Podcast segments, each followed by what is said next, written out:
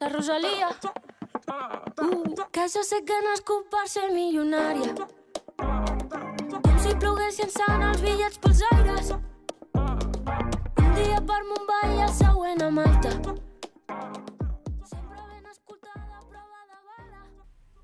Hola i molt bon dia a tots els nostres oients de Badruna Ràdio. Com estem? Nosaltres estem preparadíssims per poder fer-vos un dia més un altre programa parlant-vos d'economia. Avui us parlarem dels impostos, a nivell general, i també us farem saber sobre què és el frau tributari. Però primer de tot, per on comencem? Per començar, els impostos són un tipus d'ingrés de dret públic que ha de venir fixat obligatòriament per una llei, la qual imposa l'import del preu que han de pagar les persones a l'administració pública, com ara l'Estat, l'Ajuntament i la Generalitat. Quan es fa aquest pagament, es fa de forma que no ens donen res a canvi, de forma directa, pel fet de posar en manifest una determinada capacitat econòmica, com per exemple quan rebem un sou, comprem una casa, quan viatgem o quan cobrem els interessos del banc. Llavors, la pregunta seria, realment estem donant diners sense rebre res a canvi? Doncs no és així del tot, perquè ho acabarem rebent d'una forma indirecta. Però quina finalitat té pagar impostos? Doncs els impostos serveixen per finançar els serveis públics, redistribuir la renda i evitar comportaments que perjudiquin, per exemple, la salut o el medi ambient, com és l'ús del tabac o la contaminació. Quins serveis rebem nosaltres gràcies als impostos? Nosaltres rebem els serveis que ens ofereix l'administració. Gran part va a infraestructures, com per exemple escoles, carreteres, biblioteques. També va dirigit a sous dels metges, policies, mestres, entre altres.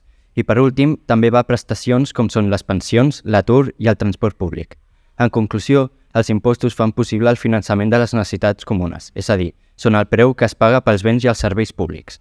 Martina, ara ens pots explicar els impostos directes i indirectes? Els impostos directes és un tipus d'impost que grava directament la renda o patrimoni personal, sense tenir en compte les seves despeses.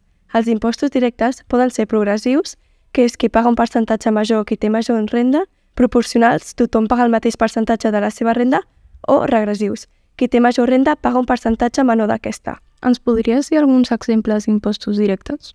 Alguns exemples d'impostos directes són l'IRPF, impost de societats, de successions i donacions d'impost sobre el patrimoni. En canvi, els impostos indirectes són sempre regressius i graven els serveis o productes que es poden comprar independentment de la renda de qui paga. Alguns exemples d'impostos indirectes serien l'IVA, impost de transmissions patrimonials, els impostos especials o els impostos de xocs, que aquests els paga tothom per igual. Ara que ja sabem què són els impostos directes i indirectes, ens podries parlar sobre el frau tributari? El frau és l'acció d'enganyar algú per tal de preocupar-se un avantatge en detriment d'aquest algú. En el frau tributari, el defraudor va contra les normes que estableixen els impostos, amb la finalitat d'enganyar l'administració pública per pagar menys impostos. Llavors, quines són les conseqüències que té cometre frau tributari? Doncs cometre frau consta de diferents tipus de conseqüències. Un frau tributari redueix els ingressos que rep l'administració pública per a finançar totes les seves despeses, provocant que siguem nosaltres mateixos, és a dir, la societat, els perjudicats. Però, desgraciadament, els que més els afecta són els més febles econòmicament i que resulten més afavorits amb les polítiques redistributives establides al pressupost. Com he dit abans, el frau és molt injust perquè fa que la gent tingui que pagar més del que hauria per les seves capacitats econòmiques per culpa d'altres que ho fan a menor mesura.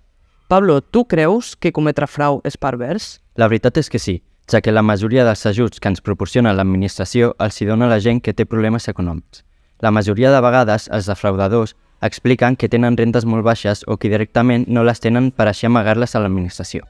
El que ells fan és equiparar-se als ciutadans amb pocs recursos per rebre molts ajuts atorgats per la mateixa organització i així beneficiar-se.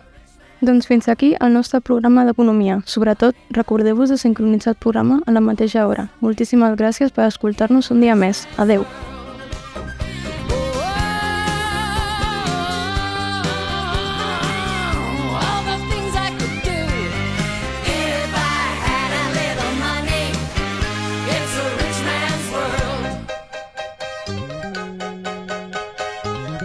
It's a rich man.